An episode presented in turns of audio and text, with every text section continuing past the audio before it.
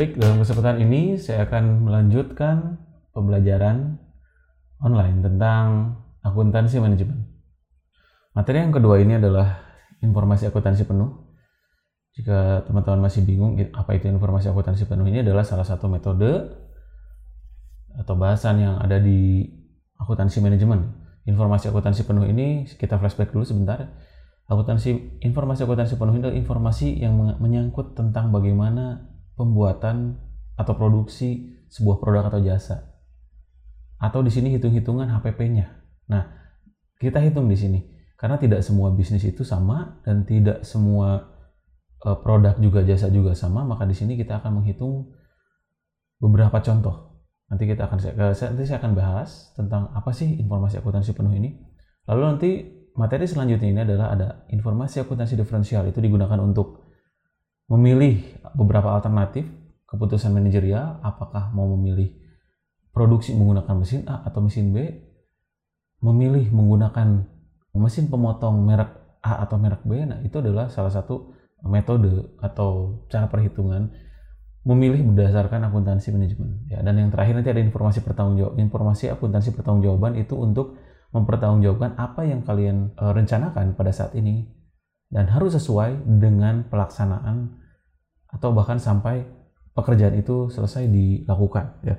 Jangan sampai direncana mau membeli mobil ternyata pada saat kenyataannya malah membeli motor dua. Nah, itu secara manajerial kurang baik. Begitupun pada saat kita mau membeli bahan baku bahan baku yang kita pesan ini misalnya memiliki uh, spesifikasi yang jelas yang paling bagus atau biasa disebut top grade, ternyata pada saat beli itu malah jadinya downgrade karena mengejar kuantitas ya. Nah, itu adalah informasi akuntansi pertanggungjawaban. Nanti kita akan bahas setelah ini. Pada saat ini kita akan bahas dulu yang namanya informasi akuntansi penuh. Di sini saya hanya akan menjelaskan tentang tiga subbab. Tidak terlalu panjang, tidak terlalu jauh juga. Jadi yang penting teman-teman bisa memahami apa itu informasi akuntansi penuh ya. Oke, pertama ini definisi yang akan saya bahas nanti. Yang kedua itu metode perhitungannya. Nanti kita bahas juga. Dan terakhir manfaat informasi akuntansi penuh ini ya. Nah, pertama kita masuk dulu ke uh, definisinya. Ya, definisi informasi akuntansi penuh itu apa sih? Dari bukunya Mulyadi ini, informasi akuntansi penuh ini adalah seluruh aktiva, seluruh pendapat yang diperoleh atau seluruh sumber yang dikorbankan suatu objek informasi. Nah, atau lebih singkatnya itu adalah biaya keseluruhan atau biasa disingkat jadi full cost dalam bahasa Inggris ya Nah ini biaya keseluruhan apa Pak? Biaya keseluruhan produksi. Ini adalah tahap di mana sebuah perusahaan menghitung biaya produksi secara keseluruhan. Ingat ya, tahap di mana sebuah perusahaan untuk menghitung biaya produksi secara keseluruhan. keseluruhan sorry. Misalnya, ketika teman-teman mau membuat suatu kedai kopi atau misalnya kedai mie pada saat itu ini adalah salah satu fondasinya. Informasi akuntansi penuh ini adalah salah satu fondasinya. Kenapa saya bilang fondasi? Karena di sini teman-teman akan menghitung berapa sih habisnya untuk membuat satu produk tersebut. Contoh misalnya kopi. Mungkin beberapa teman-teman ada yang jadi barista di sini, sampingan jadi barista, tapi dia uh, kuliah juga. Atau mungkin ada temannya, atau mungkin kakaknya, atau siapa pun, coba aja tanyakan, HPP-nya berapa sih? Pertama, dia tidak akan bercerita. Yang kedua, ketika dia bercerita, nanti akan ada di sana HPP-nya itu hanya sekian ribu perak, tapi saya jual sekian kok bisa dijualnya misalkan 80% marginnya. Nah itulah itulah tahap di mana mengapa banyak orang yang mengambil e, ketika bisnis itu banyak mengambil keputusan-keputusan itu itu karena dari situ kita bisa melihat berapa marginnya. Nah di sini makanya di sini tulis tahap di mana sebuah perusahaan menghitung biaya produksi secara keseluruhan itu intinya adalah untuk melihat peluangnya ada atau enggak untuk mendapatkan cuan atau mendapatkan margin kalau dari teorinya ya. Itu. Nah, di sini uh, cost yang dimaksud di sini adalah biaya produksi yang fix juga yang variabel. Nah, mungkin beberapa teman-teman ada yang lupa nih. Fix cost teh naon sih Pak? Variabel cost teh apa sih Pak? Gitu ya. Contoh tadi kalau saya ambil kedai kopi, fix costnya itu kedai kopi pasti biji kopinya, airnya, setelah itu packagingnya juga ya. Itu termasuk fix cost. Tapi ada tidak yang variabel? Itu ada jelas ya. Yang menjadi variabel cost itu adalah yang pertama bisa masuk gitu adalah listrik ya karena misalnya tadi mesin mesin eh, ada beberapa mesin yang harus menggunakan listrik nah itu masuk variabel cost karena kita tidak tahu listrik itu kapan naik kapan turun dan kita sudah menggunakan berapa agak cukup rumit untuk digunakan e, perhitungan ya kalau itu walaupun sebenarnya bisa-bisa saja hanya terlalu rumit. Jadi kita masukkan ke variable cost. Karena kadang-kadang listrik itu ya lagi naik-naik, lagi turun-turun ya gitu. Nah kalau tadi di perusahaan mie itu seperti apa? Fix costnya apa aja ya? Fix costnya bahan-bahan untuk membuat mie itu. Misalnya tepungnya, ada air di sana, ada tempat penggilingannya, ada segala macam. Tapi di sana ada variabel costnya nggak? Nah, kita lihat bahannya apa nih kira-kira masuk variabel nih, yang berubah-ubah. Kadang-kadang sih ada juga beberapa bahan-bahan yang sebenarnya mereka tuh nggak jelas masuk fix atau variabel karena memang harga bahan baku itu kan kalau di pasar itu di market itu kita nggak tahu kadang bisa naik kadang bisa turun gitu ya. Tapi intinya fixed cost itu yang saya maksud adalah yang sudah pasti akan jadi biaya pasti di sana. Mau berapapun harganya tetap itu. Tapi kalau variabel itu yang kadang-kadang ada kadang-kadang tidak ada. Ah, berarti pak kalau listrik itu bisa jadi variabel bisa jadi fix nah itu juga sama ya. Jadi masih perdebatan sebenarnya. Hanya sekarang kita bisa memasukkan mau memasukkannya ke mana itu aja sih intinya. Jadi jangan jangan terlalu memikirkan fixed costnya apa, tapi yang pasti untuk membuat mie itu apa, untuk membuat kopi itu tadi apa, untuk membuat sebuah boneka itu apa, itu masukkan semuanya ke fixed cost ya. Oke, itu untuk informasi akuntansi penuh ya. Jadi ingat informasi akuntansi penuh itu pendeknya ini adalah kita menghitung biaya keseluruhan ongkos produksi ya. Nah, di sini metodenya itu ada tiga macam. Yang pertama itu full costing, penentuan secara agregat atau full semuanya dihitung tanpa ada tanpa dipisah-pisah. Ada juga yang kedua yang variable costing. Dia penentuannya secara agregat dengan beberapa tambahan. Nah, kadang-kadang suka ada variable costing itu ditambahannya itu adalah biaya-biaya pemasaran. Pemasaran kan beda-beda kan. Kalau pemasaran ke koran berapa, ke radio berapa, ke selebriti sosial media berapa gitu ya. Itu kan berbeda-beda. Nah, itu masuknya ke nanti variable costing. Dan di sini yang terakhir ini adalah ada activity based costing. Buat apa sih, Pak? Ini penentuan penentuan biaya produksi atau ongkos produksi per produk ya Ingat, per produk. Berarti full costing dan variable costing itu digunakan untuk yang hanya produsen itu yang hanya memproduksi satu jenis produk. Oke, ingat ya, satu jenis produk. Berbeda dengan activity based costing. Itu dia yang punya produknya banyak, tapi dalam satu tempat. Pasti saya yakin udah kebayang. Kalau yang full costing yang seperti apa? Yang full costing itu satu produk. Contoh, saya ambil ya. Itu tukang batagor dia hanya menjual satu batagor saja. Tidak ada misalnya batagor ikan, batagor kerbau, batagor kadal, itu nggak ada. Pasti batagor itu aja, batagor ikan, selesai. Tidak ada batagor-batagor lain, batagor kelinci lah, batagor apa pun gitu ya, itu nggak ada. Itu masuknya ke full costing dan variable costing, cocoknya metodenya ya. Nah, sedangkan yang activity based costing itu gimana? Yang produknya banyak. Contohnya adalah saya ambil rumah makan Padang, rumah makan Sunda, terus kedai kopi. Kenapa Pak kedai kopi bisa masuk activity? Kan itu hanya kopi saja satu. Menunya ada berapa? Ada satu atau dua, atau bahkan 13. Karena yang saya lihat kedai kopi jarang hanya menjual espresso saja. Olahan-olahannya pun banyak ya. Itu jadi masuknya ke activity based costing. Jadi kalau teman-teman misalnya punya bisnis, punya usaha atau apa pun gitu ya, yang menjual produknya yang berbeda, itu masuknya pasti ke activity based costing, bukan ke full costing atau variable costing. Karena yang full costing dan variable costing itu hanya untuk satu produk saja satu jenis produk saja. Ya, yang tadi saya bilang, tukang batagor, tukang cendol, tukang cilok, dia hanya memiliki satu produk saja. Tapi berbeda tadi dengan dengan rumah makan Padang. Loh kok Pak bisa seperti itu? Kenapa kita harus membedakan? Padahal kan bisa saja digunakan. Oke, bisa saja digunakan. Dalam teori pun sama. Dalam teori pun tidak menyalahkan. Kalau kalian mau menggunakan full costing dan variable costing untuk banyak produk, itu silakan. Tapi resiko ditanggung sendiri. Kenapa? Contoh sekarang gini, saya ambil contoh yang tadi di rumah makan Padang itu. Ada berapa macam sajian khas Minang?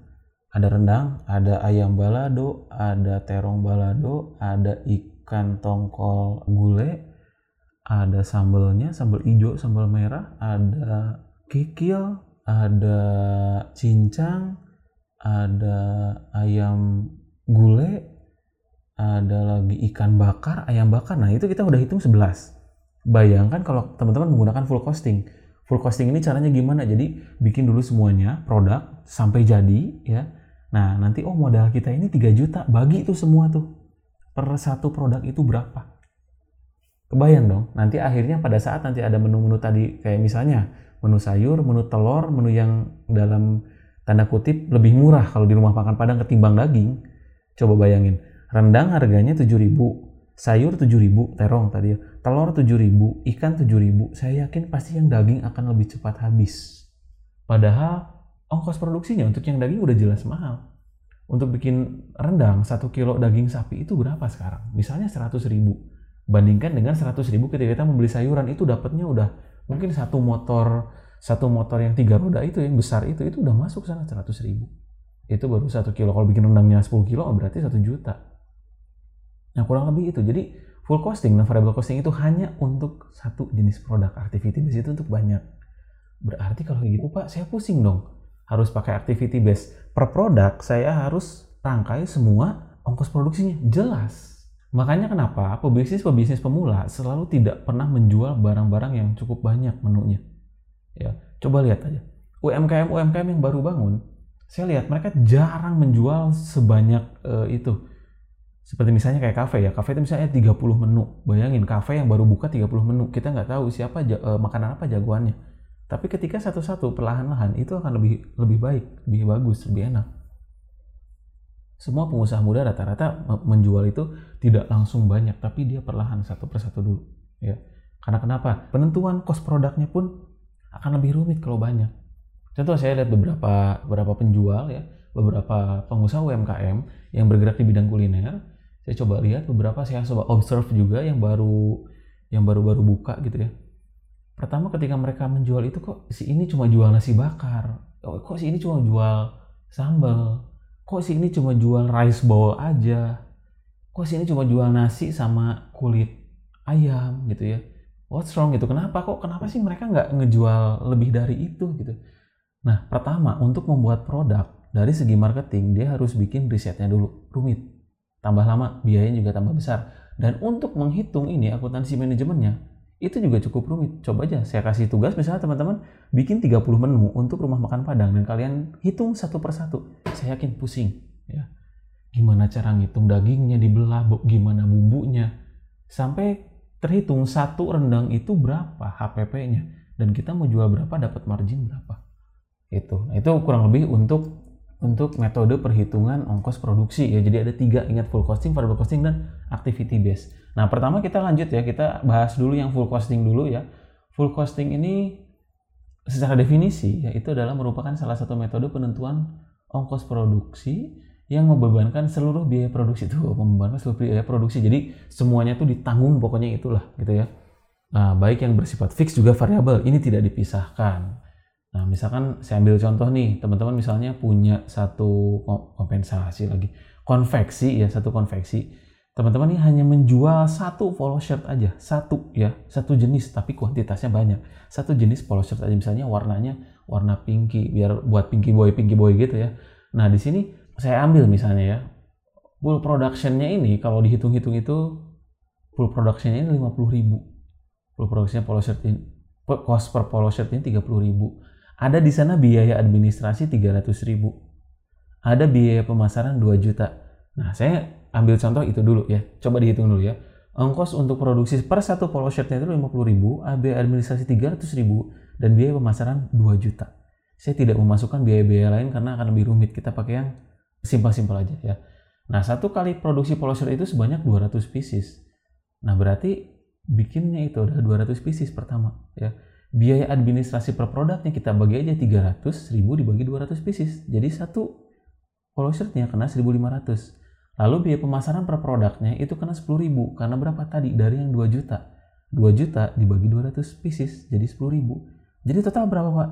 Tinggal tambahin. Tadi full production cost per polo shirtnya itu adalah 50.000 ditambah biaya administrasi per produknya 1500 berarti 51 500 tambah biaya pemasarannya 10.000 berarti totalnya adalah 61.500. Nah, itu ongkos full produksinya menggunakan perhitungan full costing, ya.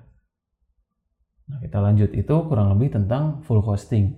Kita lanjut lagi tentang variable costing ya. Terus bedanya di mana Pak? Kan ini tadi hampir sama. Bedanya variable costing itu dimunculkan saja ya. Dimunculkan saja si variable costnya. Kalau full costing tidak dimunculkan. Kalau ini dimunculkan biar kelihatan biaya variabelnya berapa. Karena gini, ada beberapa perusahaan yang ketika kena biaya variabel itu terlalu besar. Contoh lah, contoh saya ambil misalnya tukang bubur ayam nih. Eh, sorry jangan tukang bubur ayam deh. UMKM bakso misalnya, bakso mie bakso nih oke okay, mahal di daging sapinya iya, tapi jangan salah, itu sambalnya juga sama cukup mahal ya karena cabai itu teman-teman silakan tinggal searching atau tanya langsung ke ke pasar atau ke tukang-tukang sayur gitu ya atau ke warung-warung terdekat di dekat rumah atau kos-kosannya itu cabai lumayan mahal kalau dihitung apalagi untuk sambal. Nah tahu sendiri kalau orang yang makan bakso sambalnya seperti apa? Itu si sambal itu masuk ke variable costing. Eh sorry variable cost. Makanya bisa digunakan metode variable costing untuk menghitung fixed cost dan variable costnya itu secara terpisah. Jadi nanti pengusaha bakso itu bisa tahu habis untuk bakso berapa, habis untuk sambalnya berapa. Karena kadang-kadang kita nggak tahu nih harga cabai tiba-tiba naiknya minta ampun, turunnya juga drastis banget gitu ya. Itu. Nah di sini perbedaannya misalnya tadi saya ambil ya, saya ambil perbedaannya ya. Kita masih menggunakan contoh yang sama ya, contoh yang sama yang tadi itu. Nah di sini misalkan ada biaya variabel ya, ditambahin biaya variabelnya itu misalkan biaya pemasarannya. Tadi fixnya itu adalah misalnya satu juta, yang variabelnya satu juta lagi. Nah, nanti full cost policy itu bisa berkurang. Jadi cuma 56.500. Yang 5.000-nya lagi adalah biaya pemasaran variabel cost. Yang kadang naik, kadang turun. Misalnya kita mau endorse ke, ke seleb nih, seleb uh, sosial media ya. Kadang-kadang kan kalau harganya lagi naik-naik, kalau mereka lagi nggak ada job, turun banget. Itu bisa masuk variabel ya. Karena kan kita juga nggak setiap waktu, kadang-kadang aja ketika memang kita mau. Ya Nah itu untuk variable costing. Jadi sama full costing sama variable costing itu sama-sama aja sih. Bedanya adalah yang full costing disatuin semua, variable costing dipisahin biar kelihatan biaya variabelnya besar atau kecil. Karena ada beberapa perusahaan tadi yang saya bilang ada yang biaya variabelnya itu terlalu tinggi dan mereka harus me, apa ya? Mereka harus mengencangkan ikat pinggang atau mengefisiensikan biaya variabel tersebut. Kurang lebih itu. Nah, selanjutnya kita masuk ke yang cukup rumit ini nih, yang activity based costing ya. Nah, di sini definisinya activity based costing adalah salah satu metode penentuan ongkos produksi per lini produk ya. Misalnya dalam sebuah restoran terdapat berbagai macam produk. Ada ayam goreng, ada rendang, ada sayuran, sambal, dan lain-lain. Nah, metode ini menghitung ongkos produksi per produk, bukan total keseluruhan yang tadi saya bilang. ya. Kalau kebayang nggak sobat teman-teman ya, jualannya segala macam daging sama sayur, saya yakin pasti dagingnya laku, sayurnya yang nggak laku ya. Karena orang yang makan sayur itu cuma benar-benar sedikit secara kalau dihitung secara mayoritas ya orang lebih senang makan daging daripada makan sayur. Kenapa? Karena kalau makan sayur kita kayak kambing dan segala macam lah gitu ya herbivora. Padahal tidak ada salahnya sih gitu. Tapi lebih nikmat karena makan daging-dagingan. Nah makanya pasti akan lebih banyak. Kalau tadi metodenya menggunakan yang full costing rumah makan padang tadi menggunakan yang full costing saya yakin orang-orang akan membeli yang daging bukan yang sayur ya. Saya ambil lagi contoh lain lagi ya. Teman-teman mungkin sering ke beberapa rumah makan atau kedai kedai makan yang bersifat uh, fast moving atau siap saji ya atau lebih kasarnya junk, junk food ya sorry junk food ya. Nah saya ambil contoh brandnya lah Ricis atau KFC gitu ya yang paling sekarang yang paling banyak dibeli. Nah mereka juga sama kan memiliki menu-menu yang berbeda. KFC dengan ada yang menu original ada yang menu crispy-nya. Ada yang dada ada yang paha ada yang sayap. Harganya semuanya beda ya. Kecuali yang dada sama yang uh, paha aja Minumnya juga ada yang medium, ada yang large. Lalu ada lagi dessertnya ada puding. Ada lagi makanan-makanan additionalnya seperti sop, perkedel, spaghetti. Itu semua harganya berbeda ya. Ada yang bentonya, ada yang uh, rice boxnya untuk di KFC. Nah itu semuanya beda-beda harganya dihitung berdasarkan uh, menggunakan activity based costing. Dan jujur saya juga waktu itu pernah mencoba membuat apa namanya jasa layanan jasa layanan jasanya cuma satu, tapi menunya banyak banget. Jadi masuknya ke activity based costing. Ini cukup rumit juga sih ya. Saya juga merancang ini mungkin waktu itu pernah satu minggu ya satu minggu itu merancang ini kurang lebih 8 kali revisi. Sampai akhirnya price list yang saya gunakan itu adalah price list yang baku. Jadi ketika ditanya sama klien minta price listnya kita kirim. Ya itu saya sampai 8 kali. Nah teman-teman nanti seandainya nanti karena kita bisa bertatap muka nanti kita coba di di kelas ya. Bagaimana cara menghitung activity based costing ya? Itu intinya jadi per produk ya. Per produk. Berarti pusing pak. Pusing banget kalian harus menghitung satu persatu ya.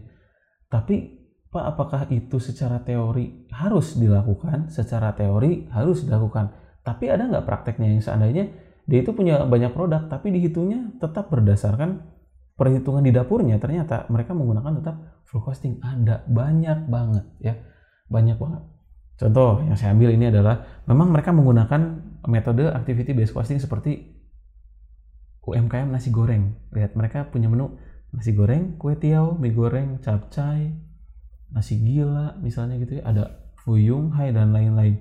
Memang harganya rata-rata ada yang sama dan ada yang beda. Yang beda itu adalah hanya di toppingnya saja. Coba jadi cek kalau nggak percaya. Kebanyakan mayoritas ya tidak semua, tapi mayoritas. Saya lihat itu ketika lihat kok ini capcay 12.000, nasi goreng 12.000, mie goreng 12.000, kue tiaw 12.000, puyuhnya 12.000, terus jadi saya bingung. Ini spesialnya yang mana gitu ya.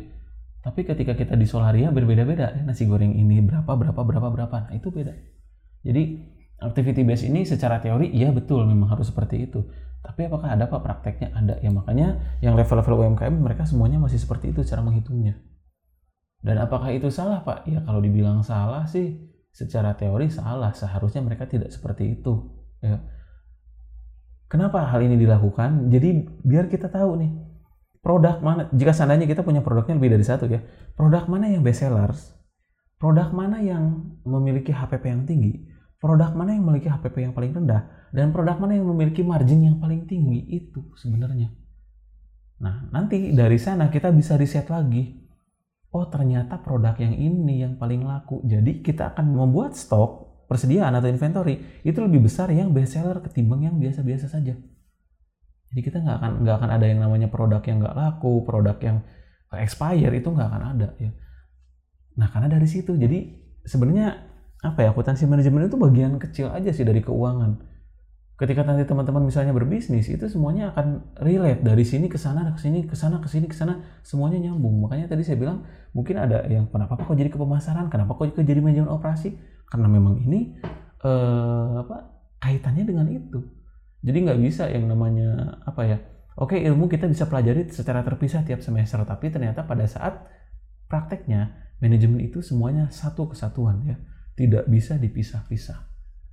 Oke, nah itu kurang lebih ya. Oke, lalu selanjutnya ya, selanjutnya di sini ada lagi apa namanya? Ada lagi perdebatan apakah aktiva tetap dimasukkan ke dalam biaya atau tidak. Beberapa ahli mengatakan itu harus dimasukkan, tapi beberapa ahli juga tidak boleh dimasukkan karena itu masuknya ke investasi. Ya buat saya pro dan kontra itu hal yang biasa tapi untuk lebih meyakinkan, mending kita masukin. Karena yang namanya semua barang, semua alat ya, alat-alat e, produksi itu memiliki umur dia memiliki umur umur untuk memproduksinya ya. Contoh misalnya ya. Misalnya komputer, mungkin komputer yang zaman sekarang itu misalkan e, kalau dari Intel ya, Intel Core i3, 5 dan 7 seri 9000 dan dari AMD itu ada AMD Ryzen seri berapa gitu ya. Nah, lima tahun atau 10 tahun yang akan datang mungkin komputer ini akan jadi komputer kentang gitu ya. Nah, begitu pun sama alat-alat produksi pun sama seperti itu. Ketika dulu saya masih uh, aktif di industri jasa fotografi, itu kamera bisa memiliki uh, umur ekonomisnya itu sekitar 5 sampai 10 tahun. Kalau tidak rusak itu pun ya, kalau tidak rusak 5 sampai 10 tahun. Nah, setelah 10 tahun kemudian ada lagi device baru yang memiliki eh, apa namanya? memiliki fitur-fitur yang lebih canggih yang dari yang dari zaman dulu. Ya, yang dari zaman dulu. Nah, biasanya sih harus dimasukkan aktiva aktiva tetap tersebut biasanya harus dimasukkan biar nanti gampang pada saat nanti aktiva tetap kalian rusak kalian bisa menggantinya karena sudah ada anggaran dari penjualan ini. Karena nanti seberapa persen yang akan masuk ke sana. Pak, tapi kan susah, kita harus menabung berapa persen. Itulah ya, itulah dibutuhkan yang namanya kedisiplinan untuk mengelola keuangan. Nah, di kita kebanyakan apalagi eh, kultur di kita, kultur di Indonesia itu untuk masalah pengelolaan keuangan itu cukup rumit, cukup sulit ya tapi bukan di negara kita aja kok, negara-negara lain juga sama. Tergantung sekarang balik lagi, mentalnya bisa tidak memegang uang. Atau malah nggak bisa, dapat uang sedikit langsung kalap. Pengen upgrade segala macam. Wah itu jangan sampai seperti itu ya. Nanti bisnis kita nggak akan sustainable. Cuman paling berapa tahun setelah itu ya udah mati ya, kayak gitu. Nah itu, terus eh, ini adalah part terakhir dari tentang informasi akuntansi penuh ya di sini ada manfaatnya, manfaat informasi akuntansi penuh itu untuk apa sih? Pak, itu ada empat ya. Pertama ini pelaporan keuangan, yang jelas pelaporan keuangan yang tadi yang, yang bahan bakunya berapa sih? Untuk produksinya berapa sih? Itu jelas. Lalu yang kedua profitability analysis yang tadi saya bilang, cuannya dapat berapa? Profitability analysis, analisis profit, analisis cuan ya. Lebih gampangnya gitu biar ingat aja gitu ya, analisis cuan. Dapatnya berapa? Karena kalau kita udah menghitung ongkos produksi secara keseluruhan, saya yakin teman-teman pasti akan bisa menganalisis profit sebuah bisnis ya Makanya ada yang dibuka, ada yang enggak. Karena kenapa ya? Karena kita hitung-hitungan ini dulu. Lalu yang ketiga, kita mengetahui biaya yang dikeluarkan. Lah iya Pak, biaya keluarkan pasti ketahuan. Maksudnya mengetahui biaya yang dikeluarkan di sini itu secara rinci. Buat apa? Ke SDM nih sekarang ya efeknya. Biar kita tidak digoblokin atau dibodoh-bodohi oleh pegawai kita. Karena banyak kejadian pegawai ngegoblokin bosnya. Ya entah itu dicuri lah atau apa gitu ya. Itu banyak banget ya kejadian seperti itu di mana pak ya banyak perusahaan-perusahaan swasta ASN pun ada ya contohnya waktu itu tahun 2000 berapa saya lupa sempat ada kejadian pegawai di bagian kartu kredit yang ya menggelapkan biaya-biaya yang cukup nakal gitu ya menggelapkan biaya-biaya yang akhirnya dia bisa jadi kaya banget gitu itu dari sana ya. Tapi akhirnya ketahuan juga. Nah ini makanya kalau teman-teman bisa mengetahui uh, akuntansi manajemen tuh itu enak tuh ya. Karena ada bukti kalau yang namanya jejak keuangan tuh wah susah dihapus ya. Udah kayak jejak digital susah dihapus ya. Lalu manfaat yang terakhir ini adalah penentuan harga jual normal. Nah kalau kita sudah menggunakan ini kita bisa tahu harga jualnya berapa. Maksudnya di situ kok ada normalnya pak kalau di sini maksudnya penentuan harga jual normal itu adalah harga jual layak ya. Layak itu di pasaran berapa? Ya oke? Okay? itu di pasaran berapa? Contoh misalnya ayam goreng itu yang yang kalau makanan ya kalau makanan. Ayam goreng itu ayam goreng fried chicken fried chicken itu biasanya rata-rata sih sekitar 20 ribuan per satu potong. Nah dari situ kita bisa oh ternyata ongkos produksinya cuma 8 ribu perak dijualnya 20 ribu berarti 12 ribu marginnya tuh. 120 persen. Nah kurang lebih seperti itu jadi ini adalah manfaatnya ya nah, bahasan kita juga sudah selesai. Ini tentang uh, informasi akuntansi penuh. Oke, sampai jumpa kembali di bahasan yang selanjutnya. Oke, terima kasih.